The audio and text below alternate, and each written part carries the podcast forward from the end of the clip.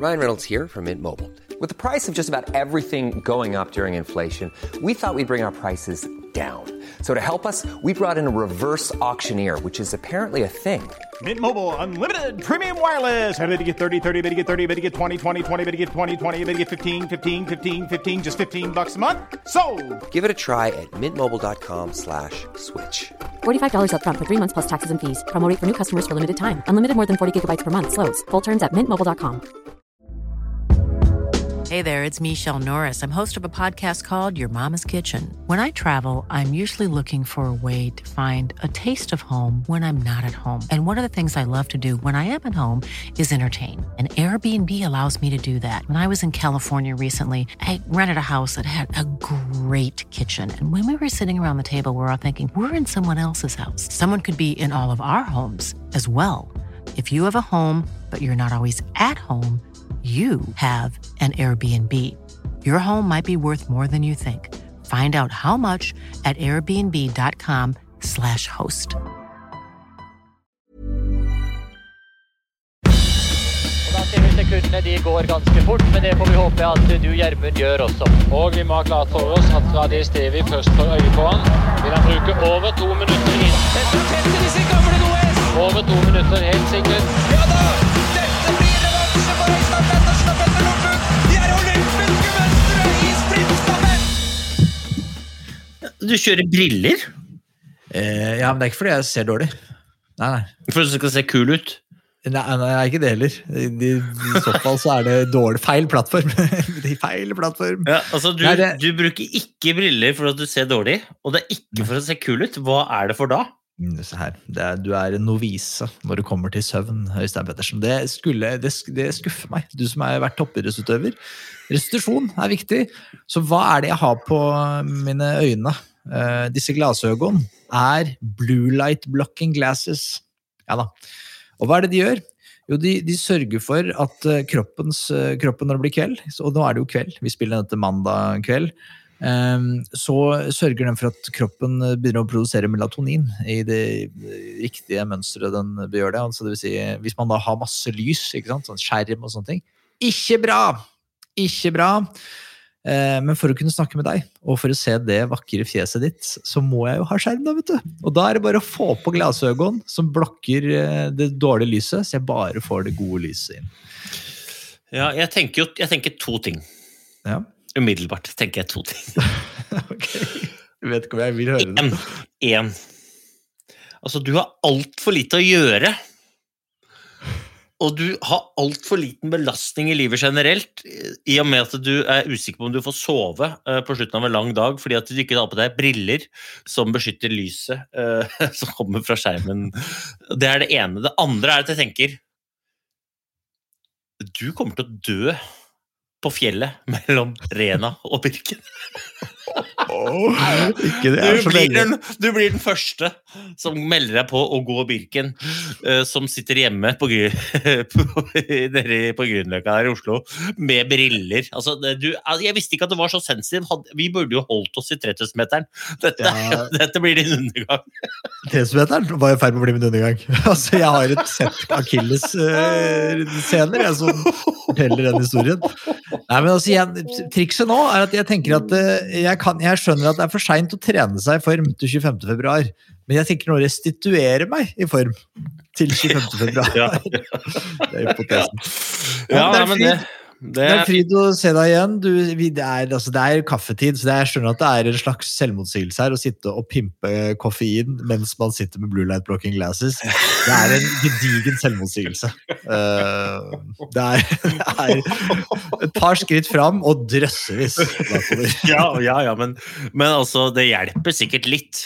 Altså, det, kan ikke, det blir ikke noe dårligere av å ta på deg de brillene. Det gjør det ikke. Uh, Men jeg Ja. nå, nå har jeg, nå har jeg eh, kommet til nytt eh, her nå. Ok? Jeg har blanda, jeg nå. Jeg kjørte en rolig blanding, så jeg heiv oppi ei rolig 250 grams pose med blå Java oppi colombiasen. Eller, For jeg tenkte sånn Jeg, jeg fikk ikke helt taket på colombias. Så, jeg, okay. ok, så tok jeg blå Java, det er en gammel favoritt. Lys, ledig, medium roast, ikke sant? Blanda nedi. Det er next level shit altså, når du begynner å lage din egen blend av Coops eh, blender.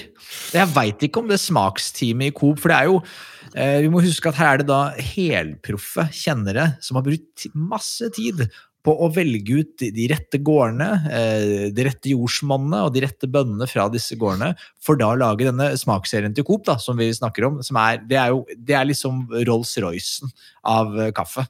Eh, og det er der vi liker å ligge, det. I, eh, Ja. og, og, og, og du mener altså, da, det er ganske fremoverlent, å påstå at du kan da blende en bedre variant basert på å blande deres eksisterende mikser. Nei, altså jeg tenker jo at den er jo blenda fram og lagd ut ifra ekspertpanelets smaksløker. Og det er jo u... Det går ikke an å angripe det. Men det går heller ikke an å angripe at det, vi smaker jo litt forskjellig. Vi er litt ulike. Og kanskje jeg har litt andre smaksløker enn denne pokalen som har funnet denne blenden. Så da prøver jeg meg fram. Så jeg lager min spesial. Jeg skal ikke gå det i næringa, og jeg trenger ikke engang å nevne det igjen. Men jeg står for det. Jeg blander. Jeg blander, og jeg liker det. Det er som det gode gamle Du vet når du var på bursdagsselskap før, så tok Ja. du blandings. Da tok du Villa Farris. Ja, ja, ja. Og, og du kan jo ikke Du angriper liksom, Er du bedre enn Villa Farris? Liksom? Nei, nei, nei. Eller ja, Cola og Solo. Ja, ja. Vil du høre en ting der? Jeg, eh, Blandings, ja. Det var, det var noe jeg drev med. Og vil du høre en ting der? Jeg vokste opp på Skedsmokorset, eh, og da er du jo programforplikta til å være LSK-fan. Eh, og i ung alder så trodde jeg at jeg hadde funnet opp en genial brus. Eh, det var da en brus blandet var Coca-Cola med Roma brusfabrikk, lokale, shout-out til de, Asina-brus, blanda sammen i en slags sånn mm, eh, Du skjønner fargen, ikke sant? Ja. Uh, og jeg tenkte, og, den, og jeg elska det, og jeg, jeg drakk det hver lørdag kveld. Det var ikke lov med brus ofte på Skedsmokorset, selvfølgelig. Uh, og så tenkte jeg jeg hadde funnet opp det, og så gikk det et par år, og så plutselig lanserer LSK LSK-brusen. Og det er altså det var en blanding av cola og appelsinbrus. Den varte ikke lenge, for det var ingen andre som likte den enn meg. Jeg var jo flittig kunde, for da slapp jeg, og det var billigere. Det var en, slapp å helle ut halve med soloen og halve colaen. Så var jo, men, men eh, så jeg, jeg har blitt eh, Jeg opplevde tidlig. At her gjelder det å kjenne patentverket og ta patent. Så det var, mer, det var en digresjon. Men det, det er vi gode på. Men uh, du hadde en fantastisk tur i går. Ja, vet du, hva- Jeg har lyst til å sette an tonen for å snakke om disse For det har du også hatt en tur den siste uka. Og vi har fått et limerick av vår gode venn Noregarden, og det setter så innmari tonen for eh, veien til 25. februar. Så her er det bare å skru opp Prokhorovs eh, jubel, og så skal vi høre Noregarden. Er det nå full panikk eller krise? Tiden nærmer seg hvor det skal vise. Det skal vise seg hvem vi vil se først nå frem. Blir det pølsa, Hanso eller Riise? den er deilig!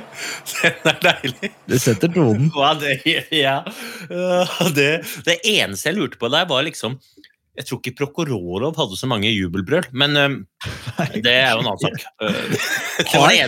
Hvis det er noen Prokhorov-fans der ute som hører på, send oss en melding.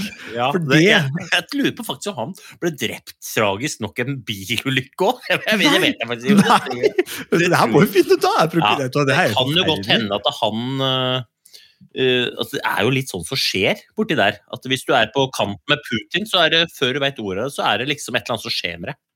Ja, men altså, Hvor mange ord er det i Prokurorov? Her fant jeg en. Vet du hva, han, Dette er ikke kødd. Dette er jo helt forferdelig. Prokurorov omkom om morgenen den 10. oktober 2008 etter å ha blitt påkjørt av en bil idet han gikk over en gate ved en jernbanestasjon i byen Vladimir. Ja, du burde jo tenkt på det før du flytta. Det er helt forferdelig. Altså, det, Det er forferdelig. jeg, synes jeg vet ikke hvem som skal komme oss videre fra dette. Det var. Nei, men vi bare Vi går bare videre. Vi sender Vi gjør det, vi gjør alle de gode tanker vi kan få, og så mm, tenker vi på alle jubelbrøllene som han fikk. Men jeg tror ikke han ga så mange jubelbrøl. Nei, Han var ikke typen til det. han var ikke det. Han var, stille rolig. han var som Bolsjunov. Gikk fort, jubla ikke så mye. Jeg tror han tok øh, Hadde et øh, større medisinskap enn jeg tror Bolsjunov har. Det er det siste vi skal si om uh, fredagens minne. Vi lar okay. det ligge der. Ja, vi gjør det. Men Øystein, jeg er veldig veldig nysgjerrig. Utrolig nysgjerrig på en ting. Og det er I forrige uke så eh, skulle du ut for å ta en liten sånn testkjøring av randonee-utstyret som du hadde skaffa deg. Matshus eller K2 har vært så rause og sørger for at du er topp utstyrt til eh, 25. februar, da vi skal gå fra Rena til Lillehammer. Du på randonee, jeg på felleski, eh, og, og Riise skal stake. Og dette utstyret ble testa på fredag, var det ikke det forrige uke? Jo, det stemmer. Det stemmer. Ta oss gjennom dette, for dette er, jo helt sinnssykt. Hva, hva, hva sier folk i Lillehammer når du, du, du, du, kom, trapper opp på Birkebeiner stadion eh, med, også med da randonee-utstyr for å gå i skiløypene? Ja, altså, jeg gikk jo til og med hjemmefra.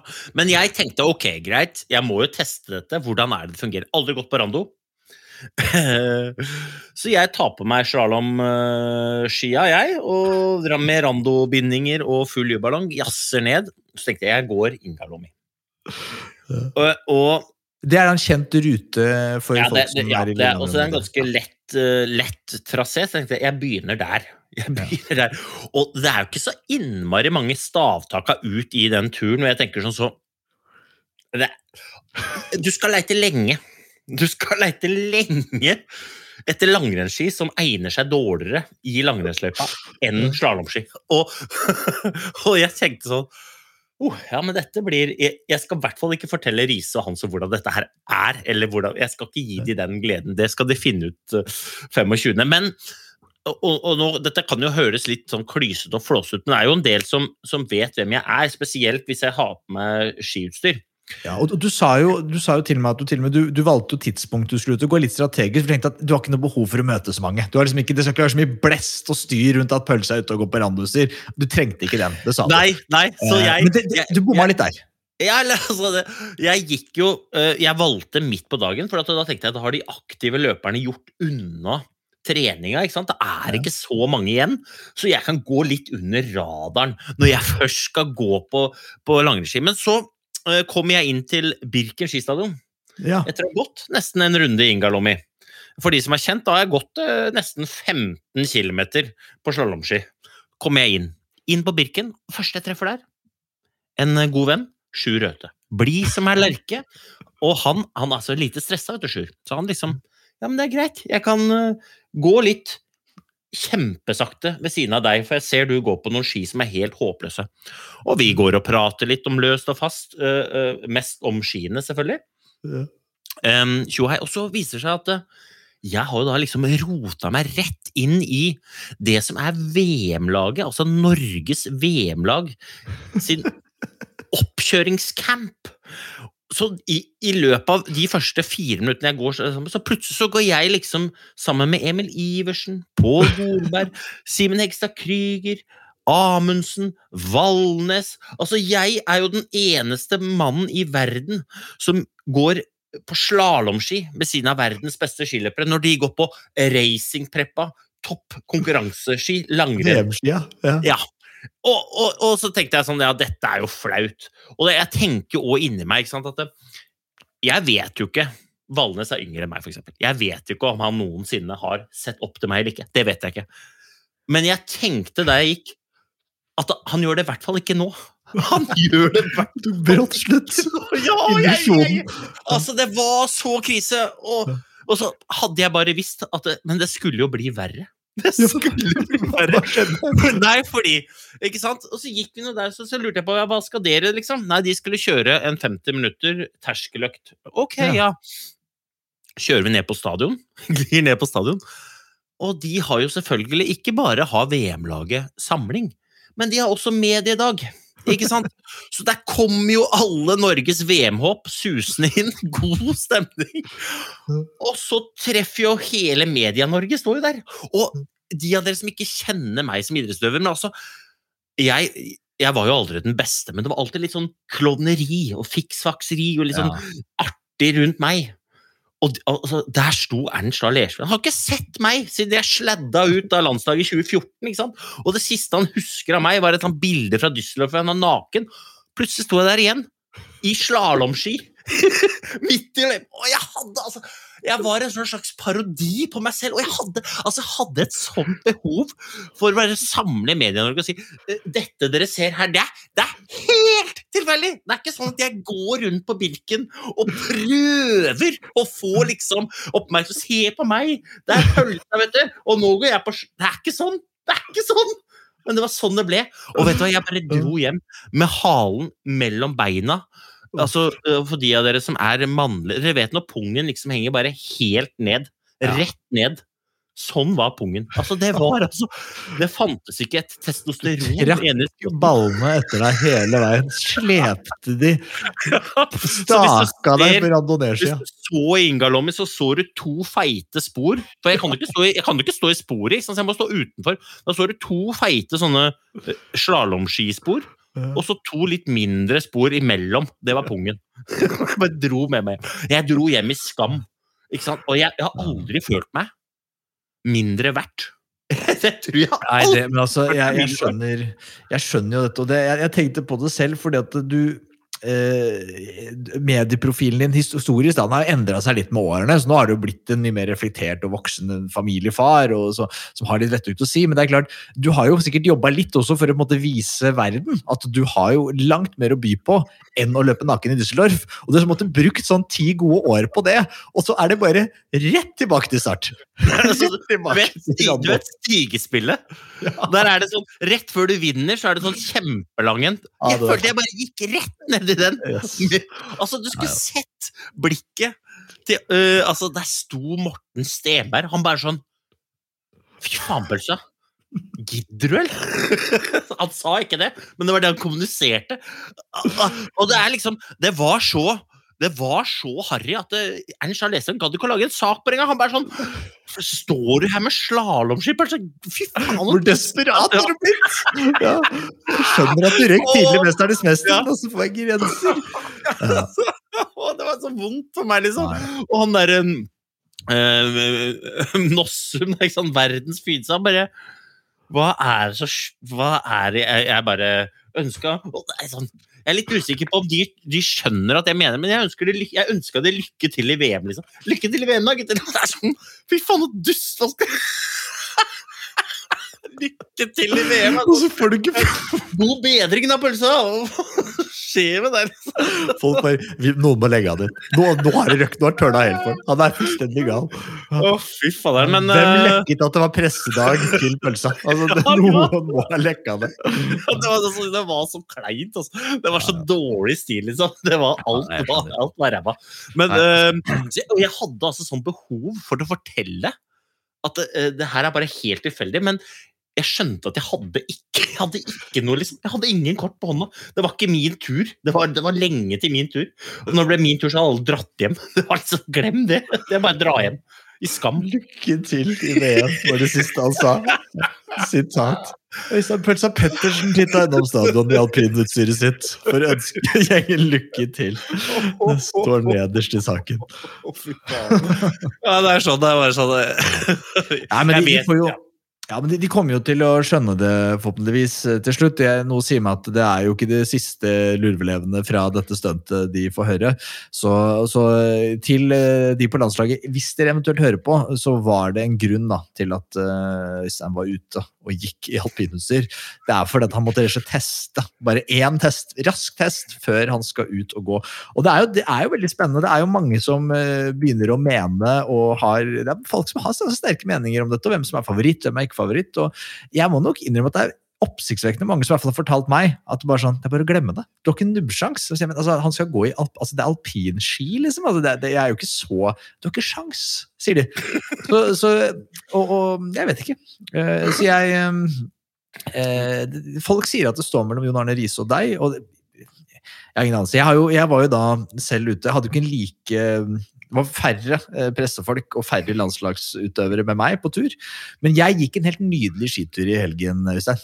Eh, og det var jo du som tipsa meg om den turen her. Eh, så til de som eh, bor i Oslo-området, så det du sa var at i og med at jeg ikke har noe bil, bor midt i byen, har ikke så lett tilgang på bil, så da må man jo ta tog eller T-bane. Eh, og det er jo litt sånn, sant? Det er mye folk i helgene, veldig mange som skal ta T-banen opp for å gå i marka. Men så sa du du må ikke ta, ta T-banen. Det er sånn eh, noobs eh, som gjør. Du må jo ta toget. Ta toget ut nordover til mot Nittedal, mot Gjøvik, egentlig. Og så kan du hoppe av hvor du vil på veien, men du foreslo da til meg Stryken som en sånn passe tur. For da er det ca. tre mil tilbake til, til Frognerseteren. Mm. Um, og det, jeg, jeg, gjorde det. Det var jo helt nydelig vær eh, på søndagen. Dro ut. Det var jo flere enn meg, da. Det så, jeg, dette har jeg da dokumentert etter noter på Instagram, til de av dere som uh, har fulgt med. Uh, gikk jeg der, uh, og, og jeg kjente Jeg har jo aldri gått der før, du, så jeg måtte liksom Jeg tenkte jeg skulle lære, av sånn som jeg har fått blitt anbefalt at jeg må gå Birken. Pass på ikke begynne for hardt. Sant? har jo pulsklokka mi fra Polar, så jeg tenkte så nå skal jeg prøve å følge litt med på den, og ikke ha for høy puls. Gå rolig i de første bakkene. Eh, og så kommer du opp på liksom de flatene der, og der kan man dra på, stake litt og sånn. Og jeg, sant? Det er så tullete å si, men relativt til meg selv så føler jeg at jeg er ganske god på sånn dobbelthakk med fraspark og, og staking. og så veit jeg at når jeg kommer ved siden av deg og Jon Arne, så, så kommer jeg til å se ut som en dust. Så Ja, det jevner seg ut med utstyret mitt. Ikke tenk på det det. er det jeg håper på. Det er det jeg håper på. Men gikk jeg over der. Og så Det som redda meg litt, der, var at jeg merket at det er jo vanskelig å tilpasse vanskelig farta. Og jeg skjønner nå hvor, hvor stor fordel det er å kunne gå med noen som kan sette tempo. Hvor mye deiligere det er. For det jeg gjorde var at jeg fant det var to jenter, eh, som spreke jenter, som satt et utrolig bra tempo på de flatene her. Så jeg begynte å f jeg skjønte at jeg kan ikke gå forbi de, for det blir pinlig, for jeg er ikke god nok til å komme altså ikke, Du må ha litt avstand. Så jeg bare la meg, kobla meg på de, og de gikk bare på rolig langtur, snakka og sånne ting. Og så vet du, vet den følelsen når, når man begynner å, er så tett oppe at de begynner å snu seg litt, og skal du forbi, eller hva, hva foregår her? Liksom, lytter du til samtalen vår? Hva er det som, er det som foregår? Og til slutt måtte jeg si eh, eh, jeg, dere går så ideelt tempo. Er det ok om jeg kobler meg litt på dere? Jeg skal gå i sånn sikk- jeg skal ikke lytte på samtalen. Jeg kan gå i såpass med avstand at jeg Men de inviterte meg jo inn i samtalen, og kjempegøy. Ble kjent med de. De har vært tidligere godt aktivt, gått junior-NM. Jeg er jo enig, hadde til og med medalje fra junior-NM, så det forklarte jo litt hvorfor de var i såpass god teknikk og sånne ting. Eh, og så gikk, holdt jeg følge med de hele veien til Kikkut, eh, og da merka jeg at de begynte å bli litt lei meg. Eh, så jeg hadde egentlig tenkt å gå inn på Kikkut og spise en bolle og hygge meg der, men jeg tenkte at det blir dumt. For hvis da er jeg jo virkelig, følger jeg jo de, de, de, altså virkelig hele veien, og det skjønte jeg. Jeg følte ikke det var helt så jeg tenkte at her må jeg bare dure videre. Eh, overlot litt seg selv der, og så dura jeg videre. Og da, igjen kjempeålreit å gå der. Og så mistenker jeg at jeg, jeg tok en snarvei eller sånn. for at det, de sa jo, de jentene hadde gått en tur mange ganger, de sa at ja, nå er det, du, er, du er snart halvveis. Kikkut er ikke helt halvveis, du er litt mer igjen. Så kom jeg ned forbi Kikkut, og da var jeg plutselig på Ullevålseter, for jeg visste ordet av det. Har jeg tatt en snarvei da?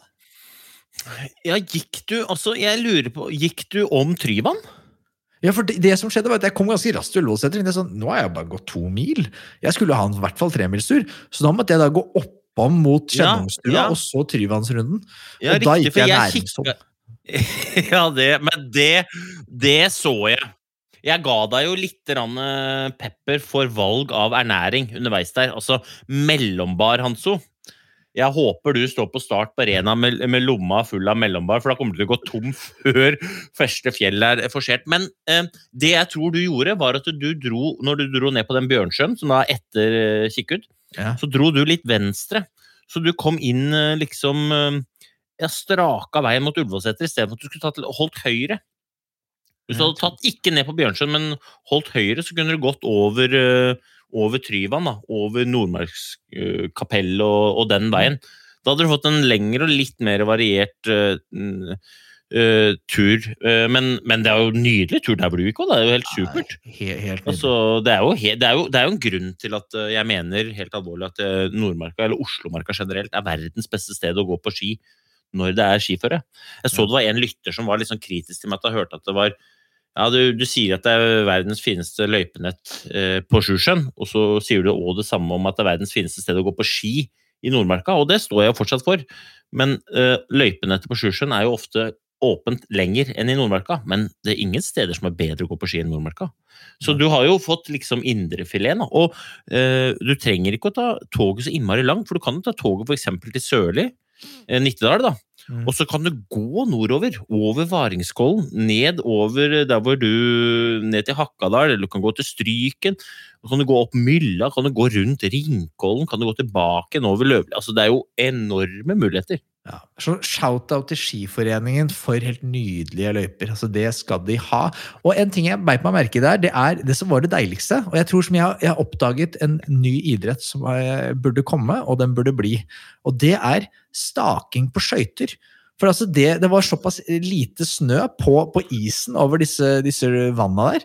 Så det er liksom ned på blåisen omtrent når du går. Og da er det altså så respons i stavtaka, og det er så god glid.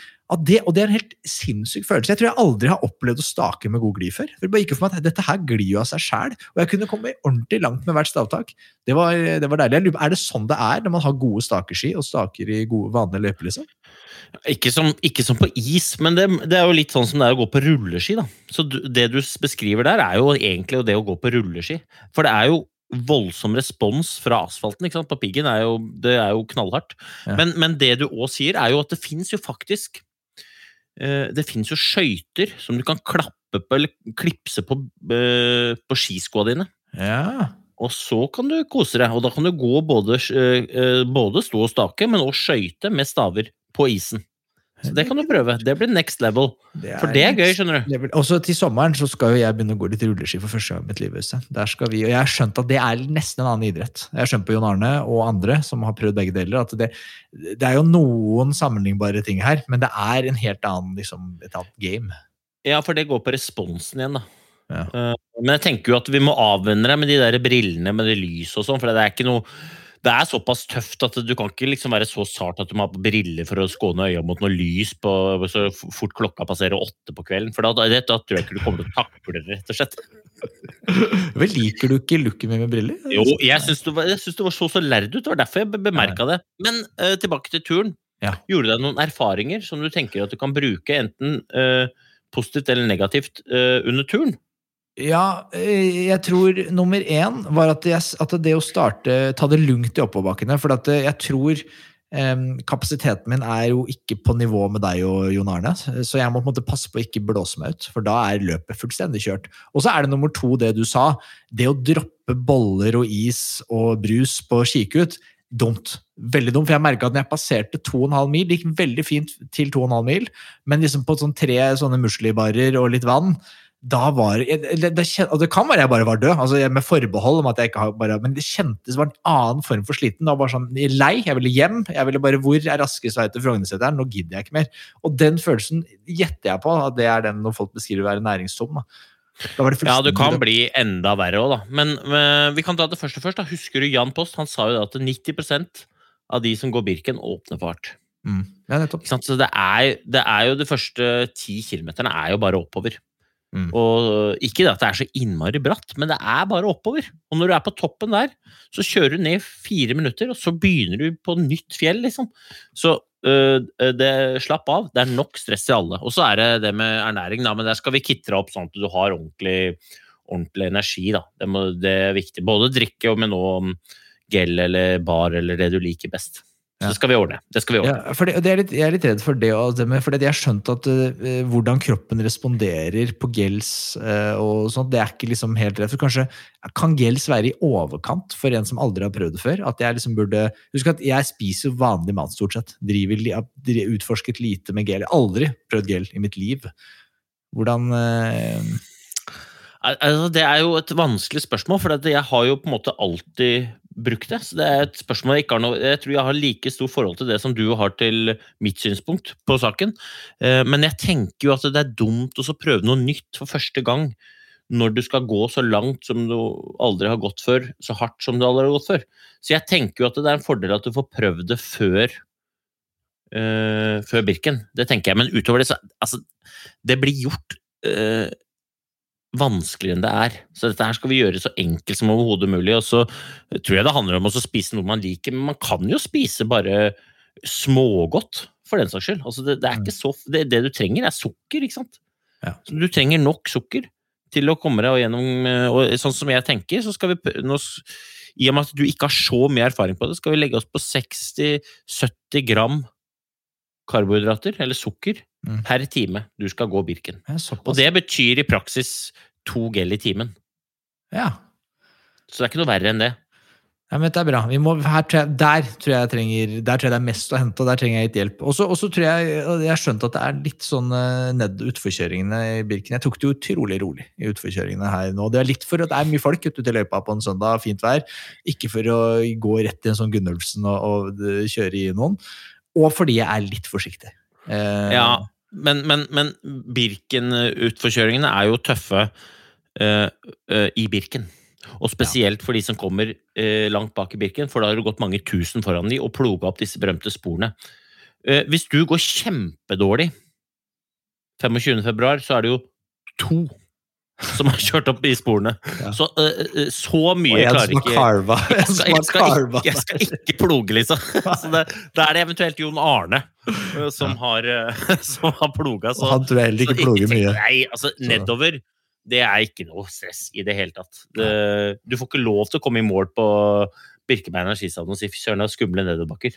Nei, jeg sa, det. Jeg sa ikke det. Jeg gleder meg. Det er altså da bare å følge med. 25. februar så går det ned. Vi har ordna så det blir Det skal filmes litt. Eh, Det skal tas noen bilder, forhåpentligvis, og det skal dekkes. Og det, det blir utrolig spennende. Jeg gleder meg veldig. Det blir gøy. Altså, det er jo få eh, folk det er gøyere å henge med og få lov å gå ski med enn deg og Jon Arne. Så det gleder jeg meg til. Og så håper jeg jo Jeg bare har en sånn Jeg har ikke gitt opp liksom håpet på at jeg kan overraske positivt. Jeg er jo en joker, en gjedde som bare lurer i sivet. Og så håper jeg at liksom at jeg kan dra fram at jeg restituerer meg, sover meg med den gode søvnen jeg nå er i ferd med å, å skape, til en slags eh, sinnssyk form.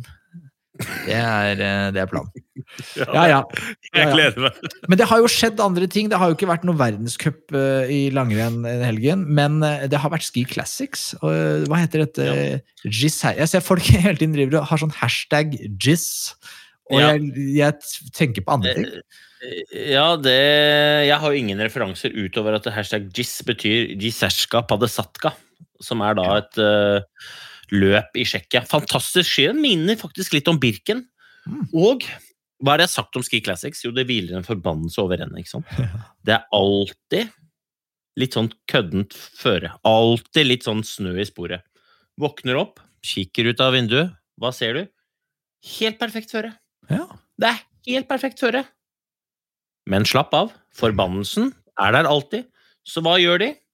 De leier selvfølgelig inn et helikopter som skal filme, flyr rett foran, børster ned alt som er på trærne i tsjekkiske skoer, legger seg i sporet, og vips, forbannelsen fortsetter. Altså, det er det. mulig, ass! Det går ikke an å få gjennomført et renn uten Foksnø. Ski Classics. Heia, Det som skjedde her var altså En gruppe fikk kommet seg løs, og så er det helikopteret som skal følge de. Legger da rolig snø eh, fra trærne til de som kom bak, så blir det nesten umulig å ta de igjen. Var det ikke det som foregikk? det, det så i hvert fall litt sånn ut fra scooterbildene. Ja. Du så jo ikke det når det var helikopterbilder. Da tenkte man å, dette er perfekt sending, dette er perfekt renn, god stemning. De som gikk eh, som i pulje to der, Morten Eide Pedersen, Vetle Tyrli, de hata livet Max. Ja. Max Novak han var der, han som spilte vet du, på seg selv i Sverige tidligere i sesongen. Han er Riktig. tilbake igjen i gamet nå, Ja. uten noen penger å spille for, men uh, i, i Foksnøen. Det er det. Men det var uh, Persson, svensken, som vinner nok en gang. God i spurt, og det er, det er gøy. Han går for dette hva heter det, lager 157. Ja. Svensk lag. Uh. Svensk lag. Han eh, Gjerdal gjør det jo kjempebra, blir nummer to. Eh, også han der, hva heter han, Vokuev, russeren, som også har vært frampå. Det er de tre det står litt mellom eh, i Andreas Nygaards fravær, er det ikke det? Det er de som er der gang på gang. Ja, de har i hvert fall vært gode nå, da. Eh, Petter Eliassen er jo der. Eh, Petter Eliassen gjør jo sammen med Ermil Okoyev mye av løpet, men eh, Petter Eliassen er jo da bare bedre, til, bedre å spurte enn Maksim Vyliksjanin, som også var der. En god, gammeldags eh, favoritt. Dro fram noen gamle, gode stakeegenskaper og ble nummer seks? Fem? Ja. Ja, Så, men, eh, men de er veldig gode, de gutta der. altså Absolutt. Så det mm, Nei, det er gøy å se. Jeg koser meg, jeg. Koser Ja. meg. Eh, Max. Og på damesida, igjen, da. Fy flate, altså. Ramudden. Ja, Eh? Og, og eh, altså, der var det en, en lytter som lurte på hva du tenker, Øystein, om at eh, det er jo hun eh, jeg, jeg blander alle disse, disse svenske. Det er jo to svensker som er dritgode. Hun ene har eh, blitt fått kuldeskade, og hun andre vinner alt. Britta Norgen. Britta Norgren er hun Ja, som for hun gikk jo nå. Jeg tenkte Jo, ja. at hun, jeg så ikke i starten, men jeg tror hun slapp, for hun må jo gå i noen sånn slags moonboots ikke sant, for å få plass til tærne. Og det supper subber jo i sporet. Ja, det blir som å gå med alpinutstyr nedi sporen. Det, det sperrer. Ja. Så det er jo sjanseløst. Det går jo ikke. Det går ikke. Men så er det Lina Korsgren, tenker du sikkert på. Yes. Hun vinner Ja. igjen, men lagvenninna hennes spurte mot henne. Og jeg har skjønt det som at i Ski Classics er det noe som heter Grand Slam. Det er når du vinner alt. Og da er det Er det ikke det? Ja, eller det er vel en ny konkurranse nå, faktisk, tror jeg. Som den, ja. I Ski Classics så hviler det en forbannelse, og det er jo at det er dårlig før alltid. Ja. Men så er det også, uh, hviler det òg en slags Joker Nord. Altså, det, er, det, det popper opp nye konkurranser hele tiden. Det er ingen som helt har kontroll på hvordan disse konkurransene fungerer. Men noen vinner noen ganger noen penger. Uh. Og nå heter denne konkurransen Grand Slam. Det har vært noe Nordic Trophy, det har vært noe eh, Parmesan Competition Litt ulike konkurranser der, men, men hvis man vinner disse mm, alle disse rennene i, som inngår i Grand Slam, ingen som vet hvilke det er, men det er noen. Ja. Eh, det lønner seg å vinne, i hvert fall, for å være med. Eh, så, og hun Lina Korsken er jo med der, men hun spurta jo da mot Var det Ida Dahl hun heter, kanskje? Jeg tror det er Ida Dahl som heter. Litt usikker, merker jeg. Men det er Jeg tror det er det, men det er fall, de er i hvert fall på lag. Ja. Ja. Og det er jo rart, fordi sånn, for eksempel i sykkel da, igjen, en sport som jeg også er veldig glad i, så, så er det helt uhørt. altså Med mindre liksom eh, I hvert fall hvis det er sånn at laget altså Det er laget først alltid. altså Hvis det er sånn at en på laget kan eh, eh, få noen bonuspoeng i samlagtrøya som vedkommende konkurrerer i, så ikke, blir det ikke noen konkurranse i laget. Da, da er man enig om at vi kjører for eh, kapteinen, f.eks., og så er det det beste for laget. Ja, men hvis de ikke har avtalt at de deler pengene, så skjønner jeg jo eventuelt Ida Dahl som tenker sånn så, det er jo det er jo ålreit å spurte for å se om det er muligheter til å tjene noen grunker før jeg drar hjem. Er Men jeg har ingen anelse om hvordan de gjør det. Det, det jeg har en anelse om, er at de to jentene og hele Ramunden 1 har gjort en fantastisk treningsjobb. Skapt et innmari godt lag. Og jeg syns det er veldig gøy at de har satsa så mye på jentene. Og to, de har hatt veldig gode ski. Så det skal både smøreapparatet og de som står i serviceapparatet fra Salomon, ha all ære for. Mm, mm, mm. I tillegg så har det vært junior-VM på ski og U23-VM på ski. Og eh, Vi skal ikke snakke mye om det, men det er jo, Norge har jo vært framme. Junior-VM, så, så Lars Agnar Hjelmeset ble nummer to. Sølv for gutta. Martin Kirkeberg Mørk vinner 10 km fristil. Eh, På 30 km fellesstart klassisk så er det altså ingen nordmenn topp tre. Jeg tror beste norske var eh, Hjelmesetten på niendeplass. Og da er det Aleksander Iversin, russer, eh, og en tysker på andre og en finne på tredje. Og det tenker jeg er bra. På sprinten her ser jeg at vi har svenske Emil Danielsson på tredjeplass, bransje. Det er bra. Eh, Norge vinner stafetten for herrer. Eh, For kvinner så er det, altså igjen sprinten, så er det polsk seier. Eh, Moa Hansson fra Sverige, sølv. Nok en polakk på tredje. Det lover også bra, gjør det ikke det? Litt sånn man får flere fra, fra kontinentet opp. Eh, russer eh, som gjør det bra på fem kilometer. Der har vi norske Margrethe Bergane på tredjeplass. Bra. Og så gjør Margrethe Bergane en sånn ordentlig Johaug-spesial. Femte kilometer fellesstart klassisk. Går ifra rubb og stubb. Lisa Eriksson på andreplass. Eh, og en tysker, Helen Hoffmann på tredje. Eh, det er bra. Og så er det Sverige som vinner kvinnestafetten. Norge på tredjeplass der. Og jeg føler, er det ikke litt sånn at eh, Vi ser jo her at det er jo ikke bare Norge og Sverige som dominerer eh, alt. Vi har noen tyskere oppi her, vi har noen finner oppi her, vi har noen polakker oppi her. Men er det ikke litt sånn, føler jeg, at de russerne og polakkene og, sånn, de sliter ofte litt med å ta det siste nivået? Altså, det er ikke første gangen det har skjedd at man har noen utrolig lovende russere eller utrolig lovende tyskere på juniornivå, men så ser vi de aldri igjen. Jeg, Altså, jeg, tenker at litt av problemet her, og litt av styrken til Norge, er jo at når disse unge, lovende norske juniorjentene blir seniorer, så får de matche seg mot veldig mange gode seniorer. Johaug, Weng, Falla? Det er altså så mange som går så fort. Mens uh, disse to uh, polakkene de skal da fortsette å matche seg mot seg selv. Så det er vanskeligere for de å ta det neste nivået enn det er for de norske. Svenskene har det samme nå. De har en kjempestyrke i at det er et godt elitelag på senior. For da vil juniorene komme opp og få matching hele tiden, og hele tiden ha noe å strekke seg mot. Tyskerne, uh, i tillegg til at de sannsynligvis er svaksynte, siden de driver med langrenn, så har de ingen å matche seg mot heller. De, har ingen, de ser jo ingen foran seg. Så de må på en måte drive utviklinga si sjøl, og det er, jo, det er jo et problem. de, de kan, På jentesiden kan du løse det gjennom å trene med gutter. Ja. På guttesida så blir det jo verre. På, på U23 da, så er det også spennende. Det er ingen eh, norske gull, med unntak av den mix-stafetten. Der vinner eh, Norge. Hedda Esper Amundsen og Jon Rolf Skamo Hope. Eh, utover det så er det faktisk eh, Det er tysk, nei, det er russisk, det er fransk. Lapalu vinner eh, 5 km fristil foran Fidersmok. Uh, det er russisk eh, seier i sprint for, uh, for kvinner, og 10 km så er det en polakk som vinner. Da er det svensk sølv, og så er det Hedda Østberg Amundsen på bronseplass. Eh, og det er jo et liksom skremmeskudd, er det ikke det? At liksom de, de, U23, da begynner det altså Hedda Østberg Amundsen hevder seg jo verdenscup. Ja, men da Det er jo deilig òg, da. Det er jo deilig. Altså, Vi ønsker jo at Hedda skal gå som bare det. Vi ønsker at Norge skal vinne alt sammen, sånn at vi kan få realisert vår idé. Men kanskje vi slipper? Kanskje vi slipper å, å ta liksom, problemet ved roten? For det, kanskje ikke det er noe problem? Kanskje, kanskje Ullevål har rett? Ja, kanskje, Eh, kanskje. Vi vet, ikke, vi vet ikke. Men um, uh, det blir jo spennende. Nå er det jo snart ordentlig VM. Nå er det snart ordentlig VM, og vi, vi må videre. Vi har jo vi har en utrolig kul eh, gjest i dag. Altså, det, er, det er helt rått. Det er jo, vi, skal, vi får besøk av HC. Hans Christer Holund kom på besøk. Eh, jeg er spent jeg, på hvordan han, hva han tenker om VM og, og sånn. Så vi, vi, skal vi bare ringe han opp? Jeg tror vi bare gjør det. Det er en ære å ha besøk av en verdensmester og en kjernekar. eh, En fellow, eh, ikke romeriking, men en som er, er jo fra Skedsmokorset. Så det er, liksom, er vel originalt fra mitt hugg. Vi har besøk av Hans Christer H.C. Holund. Velkommen til Skipodden. Jo, takk for det. Er, du, du er, er det Nittedal du er fra originalt? Ja, jeg er jo oppvokst i, i Nittedal, og så har jeg jo eh, gått for Lyn. Jeg bytta til Lyn uh, når jeg var en 22 år. Da bodde jeg oppe ved Nordberg, så jeg har bodd der i en syv-åtte år. og da, da var det På den tida så var det ikke noe miljø i Nittedal, så da bytta jeg klubb. Og, og ja, har vel egentlig gått for Lyn siden. Ja. Du, jeg er jo veldig god venn av uh, Karlseng-familien. Mari Trommal. Ja, Lyn ja. Liten shout-out til henne, eller? Ja, ja, ja. Ja. Hun har vært en bauta, hun, for den klubben. Det er mange ildsjeler i Lyn.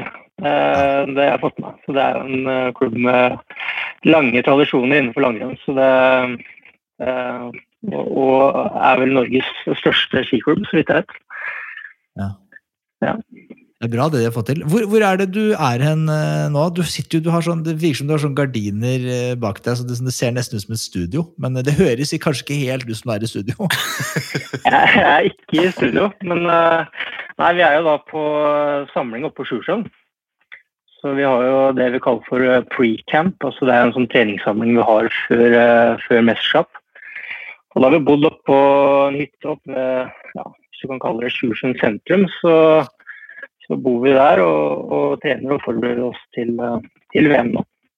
Ja. Hvordan, Noe sier man at det er litt spenning, da. Liksom, hvordan, hvordan er, liksom, hva, hva, hva gjør man på altså, Er man sammen hele tiden? Er det som en slags leirskole? Liksom? Altså, Trener man alle økter sammen, spiser alle måltider sammen? Eller er det Hvordan fungerer dette?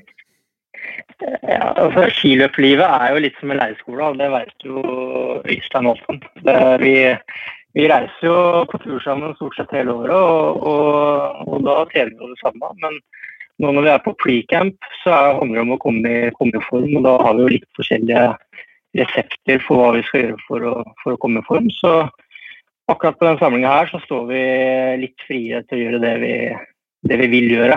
Eh, Og da er det noen som fortsatt trener mye, mye mengde, og så er det andre som har starta slett. Så Det, det, det er litt, litt fritt fram, men vi, har, eh, vi prøver å ha felles økning sammen og, og trene på samme tidspunkter, men vi trener ikke helt likt. Ja.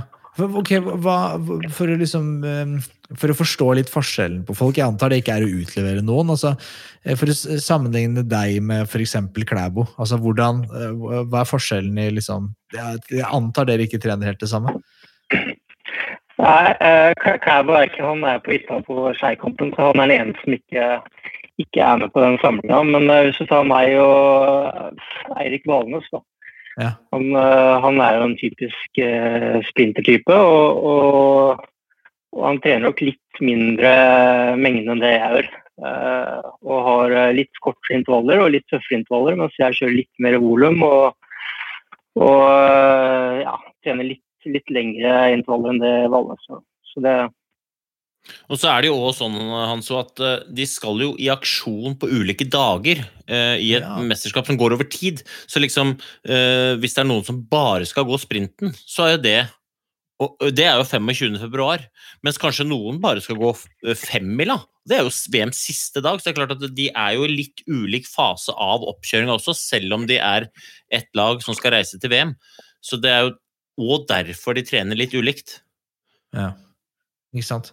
For, for uh, HC, du, du, det, veldig, det blir veldig spennende. Det er jo altså det ski-VM. Det er altså det er høydepunktet eh, i, i et uh, oddetallsår.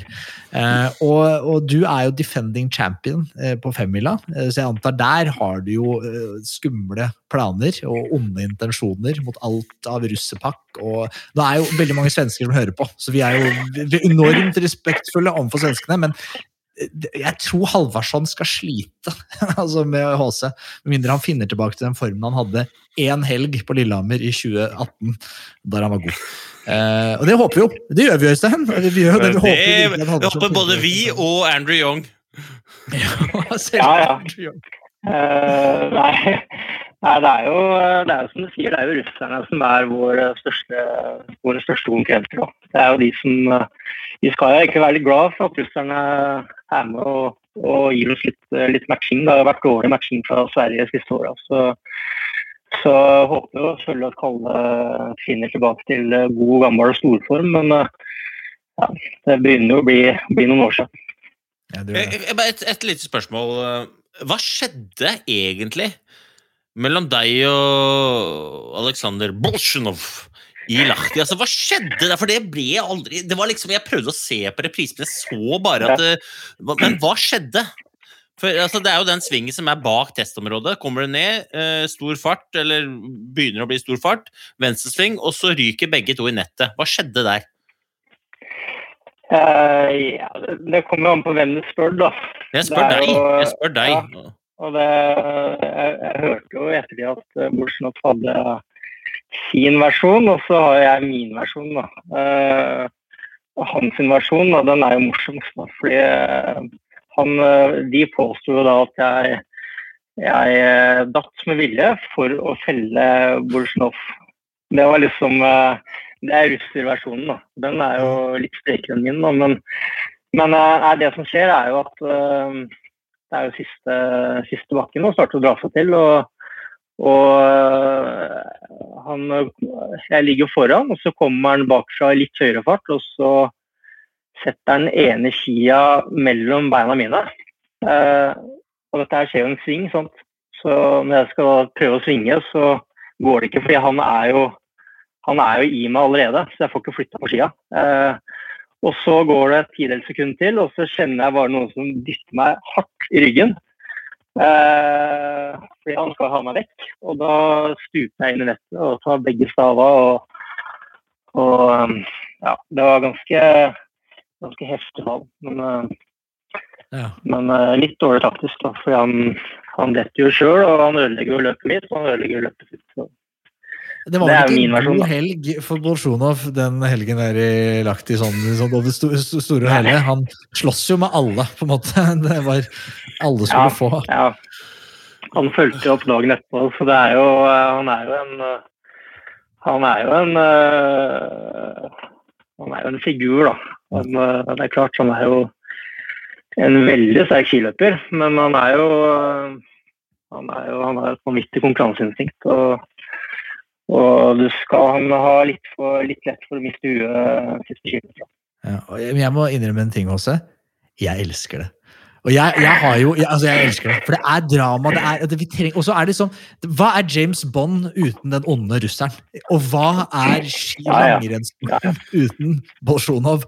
Og ikke minst, min favoritt, Sergej Ustjugov. Ingenting jeg håper mer på.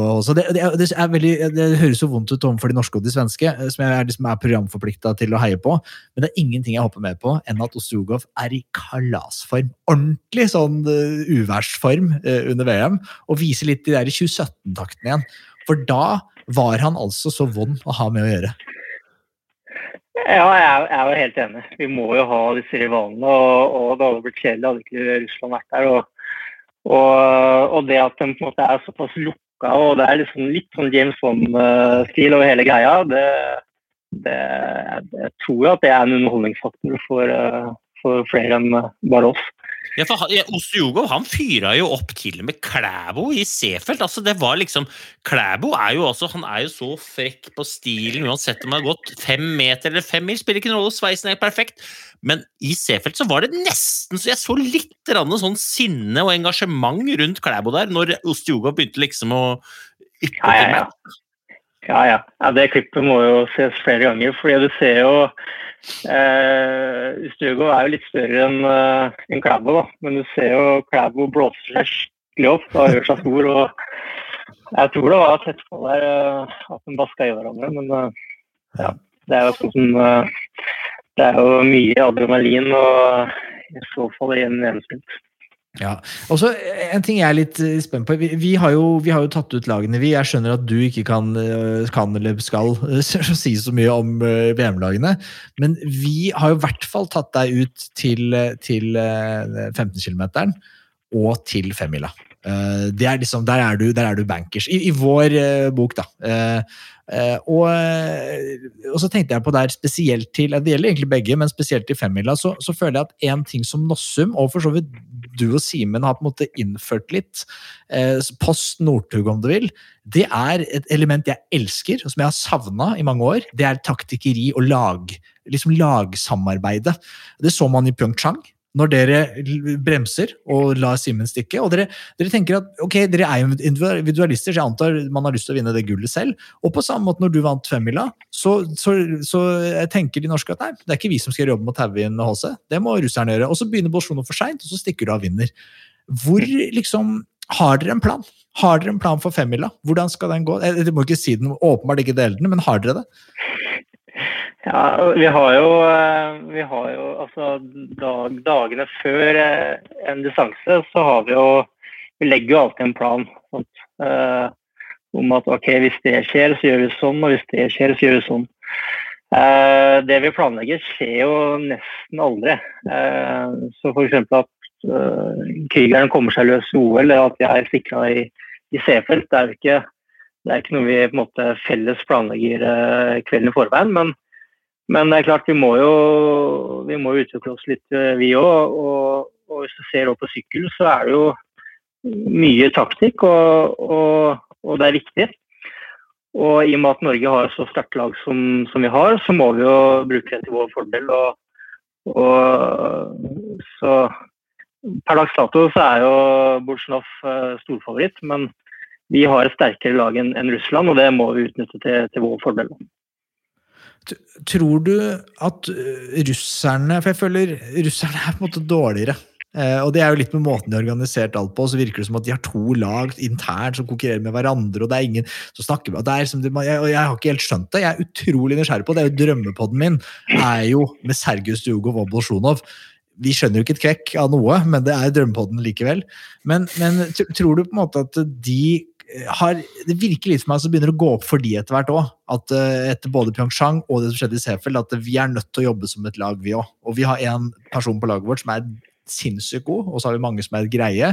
Og de må gjøre en jobb, for det viktigste er at Mm. Russland drar hjem det gullet. Og det sitter jo en relativt uh, sint bjørn på, i presidentembedet i Russland, og jeg tror han har lyst på gull. Han er lei av sølvmedaljer på Bolsjunov.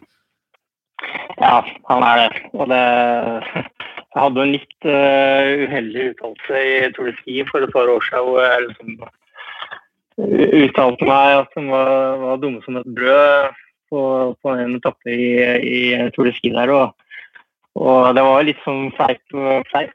Men, uh, men uh, det er ikke noe tvil om at de har mye å hente på taktikk. og de, de går, Det ser ikke ut som de er på samme lag når de er ute og går ski. Det er mye de, tenker nok litt annerledes enn oss, og de, de er nok litt mer individualister enn det, det vi er når vi eh, går skirenn. Og det, det ser vi jo flere ganger, at det er jo ofte så er det en russer som tauer inn en russer, og det, det ville vi nok aldri gjort i, i Norge. da. Jeg husker det var i Valdres Hjemme da du sto der og jazza. Det er klart at du, Ja. du har jo du har jo trua på gutte, guttegjengen fra Sørli når du liksom hisser på deg Putin. Eh, altså, de, de, det skal du ha, liksom. Jeg tenker at gutta på, nede på Glemme sport der fikk litt kalde føtter når du står og disser Putins gutter, men uh, altså, dem er harde, dem er knallharde gutter, det. Ja da. Nei, men det er, jo, det er jo litt sånn det skal være. da, tenker jeg. Det skal jo være litt sånn det skal jo være litt rivalisering mellom uh, Norge og Russland. og Jeg, jeg syns det var det Petter var så god på i sin tid, at han diska litt opp mot Sverige og, og skapte litt sånn uh, rivalisering der. og Det, det syns jeg er gøy. Men, men det er klart, vi må ikke ta det for seriøst. og Det, det er jo aldri meninga å fornærme noen, men uh, det var, var mer mer, som, mer, ja, ment, ment som en spøk. da. Og det Jeg tror kanskje ikke de tok den, men, eh, men eh, ja.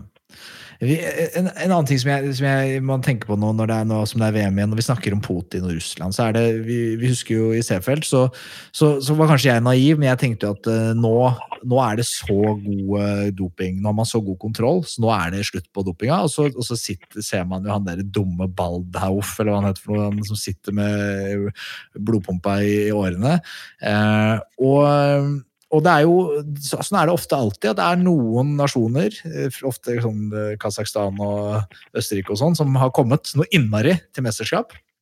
Eh, tror du altså Vi hadde jo en pod med, med, vet ikke om du hørte den, da, men med Mussy, vår gode venn. Eh, og så plutselig dukker jo Wada opp på døra og skal ta pisseprøve av Mussy. Og så spør jo vi like godt han testpersonen fra Wada tror du det er doping. Er det mulig å dope seg nå? Så sier jaggu meg han Vada, altså han som jobber for Wada og tester utøverne under Tour de Ski, sier at ja, det tror jeg. Jeg tror det er doping. Tror du det er doping? Noen som kommer til å gå under Oberstdorf nå, som er dopa? Uh, nei, jeg, jeg, tror jo ikke det. Uh, uh, vi, vi, må jo forholde oss til det som kommer fram. Og, og det jeg, jeg, tror jo oppriktig at, at folk er, er reine. Og, men det trodde jeg før C-feltet òg, og det viste at det, det stemte ikke. Så det er jo litt sjokkert Jeg ble jo litt sjokkert under C-felt av at du nærmest må ta dem med, med nåla i armen for at de skal bli tatt. Og det var vel en kasakhstaner her som også ble dratt med i dragsuget, og han har gått fort i, i sikkert ti år. og, og og aldri blir tatt videre. Så det er jo, det er jo tydelig at det, er, det fortsatt er mulig. Men, men ja. Det er, ikke, det er jo ingen som på en måte går sånn umenneskelig fort, så det er jo Jeg tror, jeg tror og håper at alle er ennå. Men man veit aldri. Ja. Det der er så, det er så kjedelig spørsmål, da, fordi at uansett hva du svarer, så blir det feil. ikke sant? Han kan jo ikke si jeg tror det er det. Uh, samtidig som man vet jo aldri med helt sikkerhet, men hvis man har fokus på det, så er man jo sjanseløs i utgangspunktet. Og hvis du sier det, så, så er det jo det er jo det er jo òg innmari døvt, hvis det viser seg at det ikke er noen. Men jeg tror jeg kan svare for deg, og jeg tror jo oppriktig at det er juksemarkeder der ute fordi at folk har så lyst til å hevde seg. Så jeg tror at det er folk der ute som jukser, men jeg tror at de beste utøverne er de beste utøverne allikevel. Heldigvis. Mm. Mm. Tror jeg. Men jeg eh, har vært borti denne berømte eh, har vært borti denne berømte kasakhstaneren sjøl, jeg. Og det er jo kjipt når utøvere som er så gode over så lang tid viser seg å være juksemaker, for da tenker man de har juksa hele tiden, og det tror jeg de har. Så ja, og, og altså, stakkars Max der, han er jo egentlig bare han er jo bare en fis i, i det liten fisk i den dammen der, liksom. Det er jo, det er jo systemet rundt Poltoranen og Andrus Verpolo som er liksom det store ja. greia. Det er jo det som er katastrofen.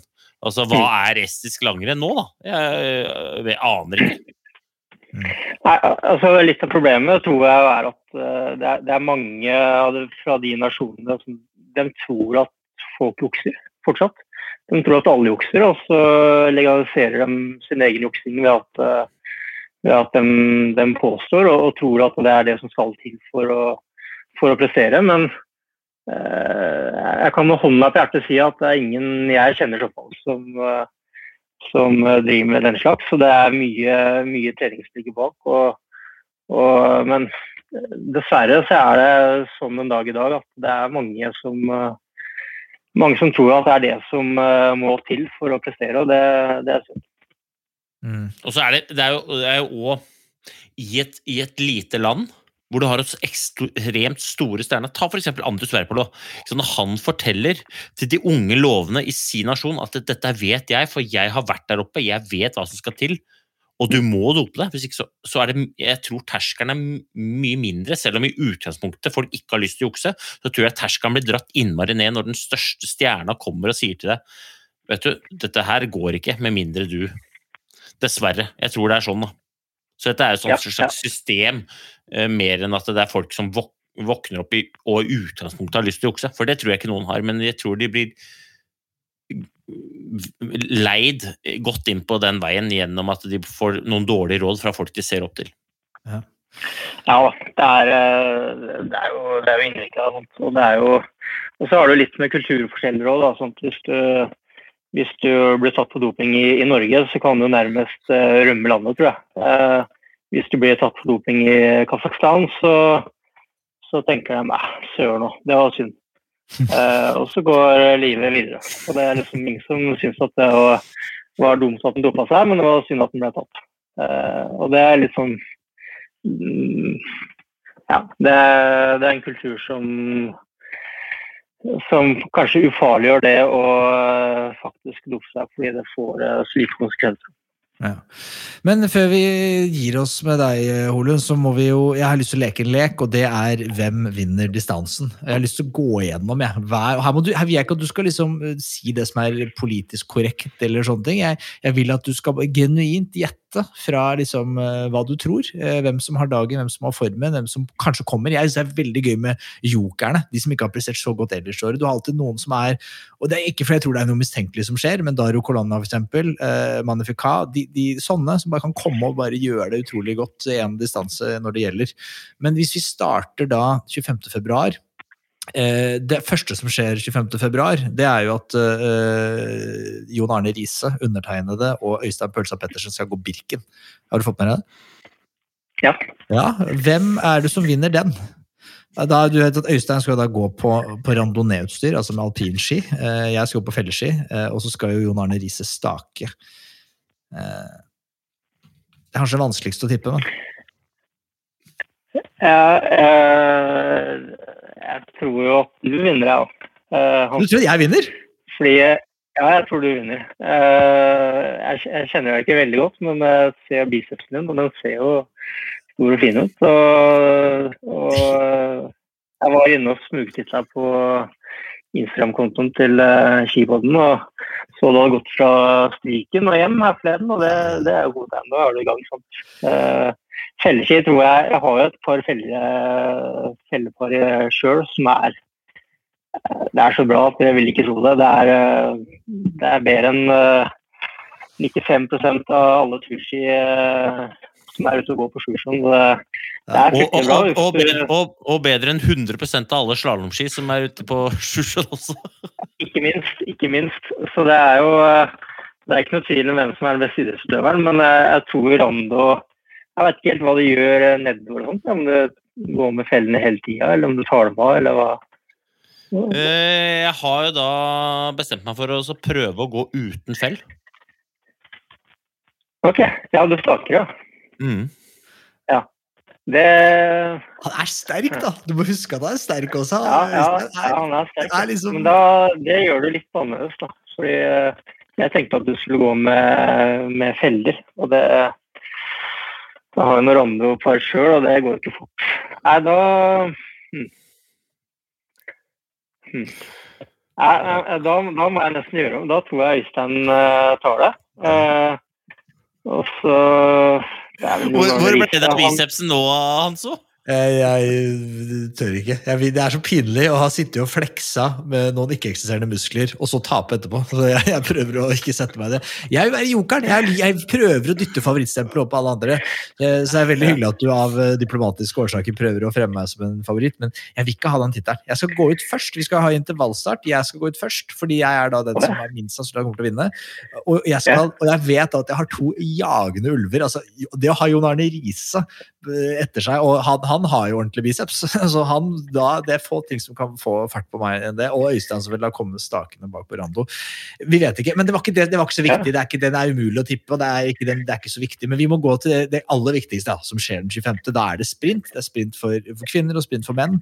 Hvem er det som vinner for kvinnene, tror du?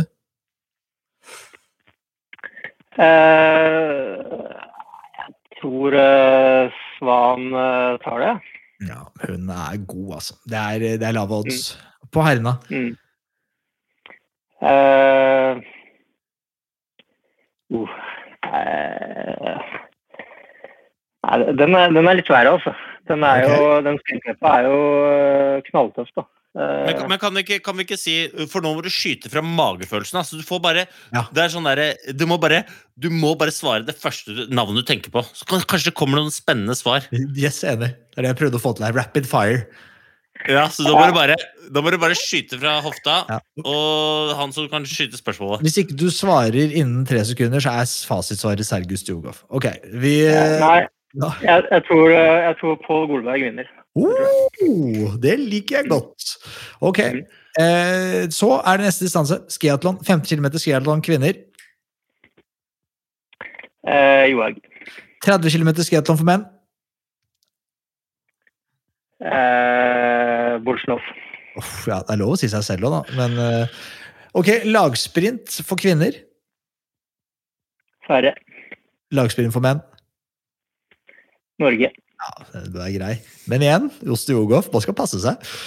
Ja, ja. Så, så er det 10 km friteknikk kvinner. Johaug. 50 km friteknikk menn.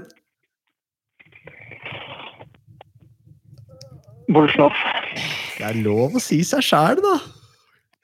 Ja, men uh, det er greit. å- Det er greit å dytte favorittstempelet over på han. Jeg ja, ja.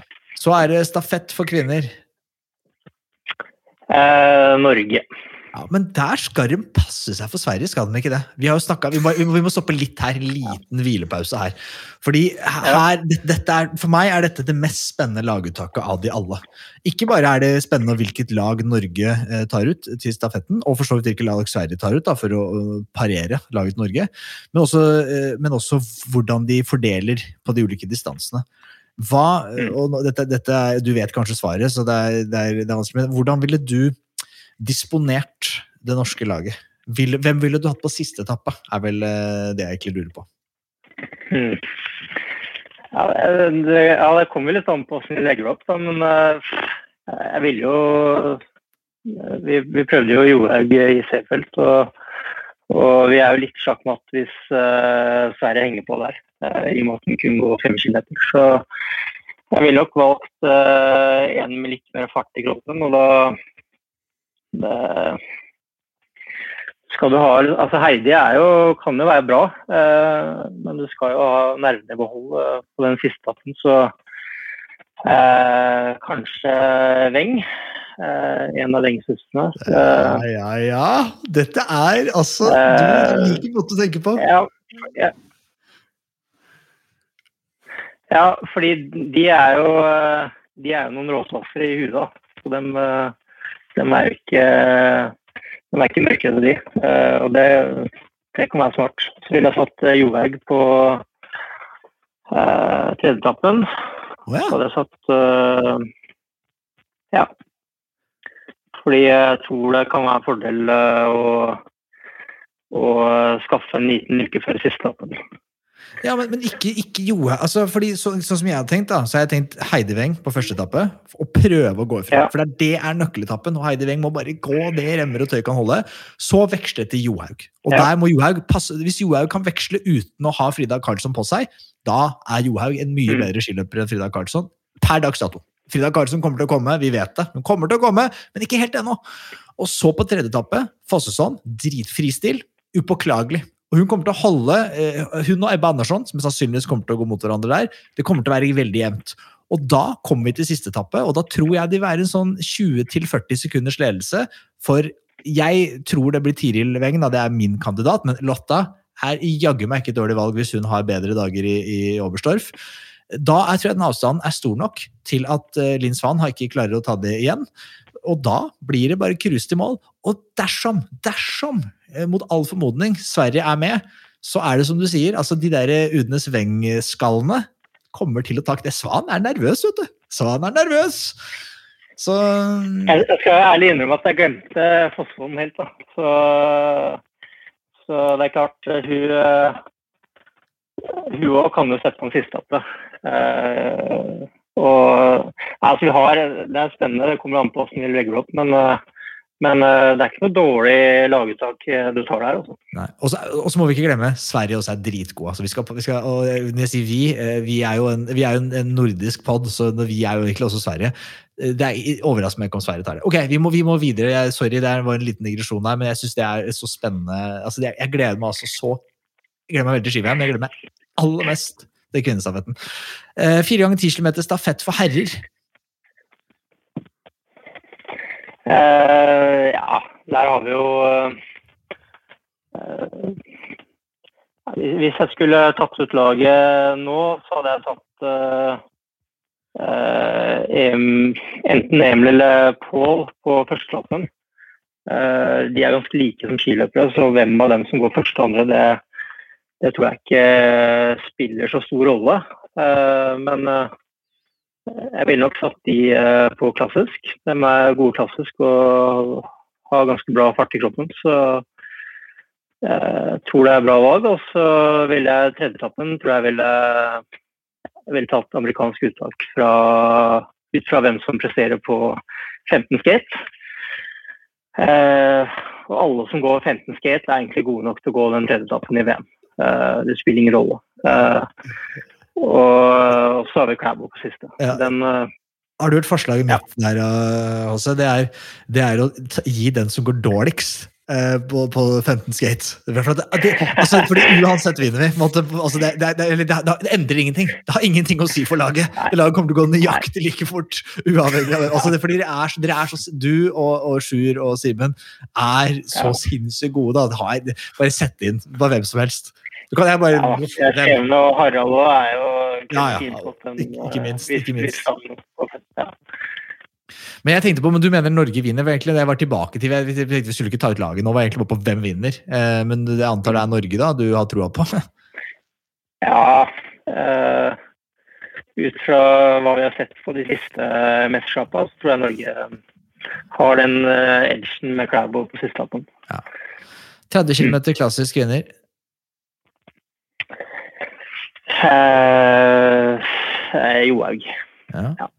ja det, er, det er lave odds, altså. Så, Jeg kan ikke se hvem som skal ta det. ja, og så er, kommer vi til Nå har du da altså gitt både eh, 30 km skiatlon og 15 km fri til Bolsjunov. Eh, så jeg antar da at på 50 km klassisk da sitter en tropp, en femmannstropp med nordmenn som er ganske sugne på en revansje. Så hvem er det som vinner 50 km klassisk? Nei, eh, igjen så legger jeg presset over på Bolsjunov. Altså. Han, eh, han, er, eh, han har vist seg å være den beste skiløperen så langt i år. Og, og eh, hadde ja, Niska nå er jo solid på den øvelsen, men eh, han har ikke vist like bra form i år som det han har gjort før. Så, så han er og blir favoritt, altså. Men igjen, vi har et sterkt norsk lag, og vi skal gå 50 km. Og, og Kia har jo mye å si på en så lang øvelse. Så ja. Hvilke, hvilke løpsopplegg tror du passer Bolsjunov minst bra på Febula?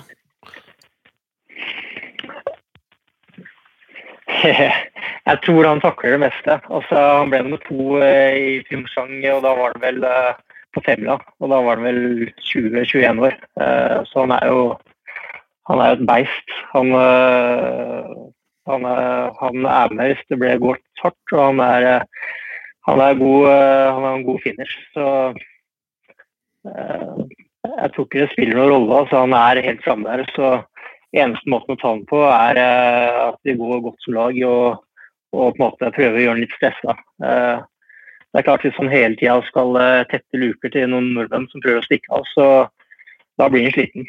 Eh, så, og så som sagt, skia har mye å si. Eh, så Hvis det blir ordentlig køddeføre, så kan det jo kan det, kan det faktisk skia avgjøre. Ja. Altså, Håse, jeg, jeg mener du er altfor beskjeden, men jeg skjønner hva du driver med. Dette er bare, dette er spill. Spill er i gang. Bolsjunov hører kanskje på skipodden, hvem vet? Og du, eh, så dette er, dette er en del av spillet. Vi, eh, vi heier jo i hvert fall Vi heier på deg, vi heier jo på det norske laget, vi heier på det svenske laget òg. Vi håper jo, som vi sa, vi håper at uh, Halvfarsson og ikke hvem andre som skal gå en gang på det femmilslaget, ja, men jeg, jeg, håper de, jeg håper de finner en eller annen form. Eh, det hadde vært bra.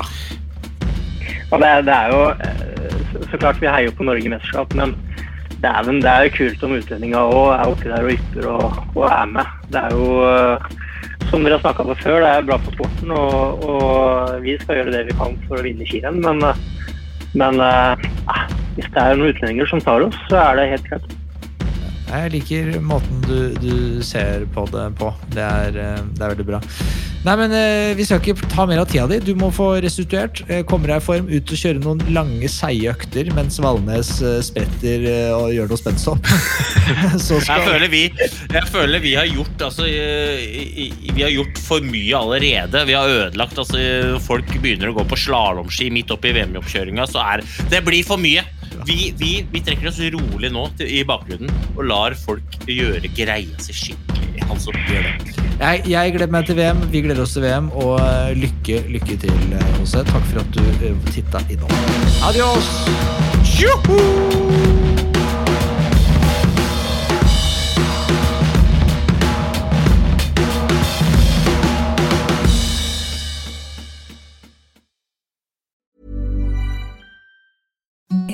The softest sheets you've ever felt. Now imagine them getting even softer over time. That's what you'll feel with Bowl and Branch's organic cotton sheets. In a recent customer survey, 96% replied that Bowl and Branch sheets get softer with every wash. Start getting your best night's sleep in these sheets that get softer and softer for years to come. Try their sheets with a 30-night guarantee. Plus, get 15% off your first order at bowlandbranch.com. Code BUTTERY. Exclusions apply. See site for details. Even when we're on a budget, we still deserve nice things. Quince is a place to scoop up stunning high-end goods for 50 to 80% less than similar brands. They have buttery soft cashmere sweaters starting at $50, luxurious Italian leather bags, and so much more. Plus, Quince only works with factories that use safe, ethical, and responsible manufacturing. Get the high-end goods you'll love without the high price tag with Quince. Go to quince.com slash style for free shipping and 365-day returns.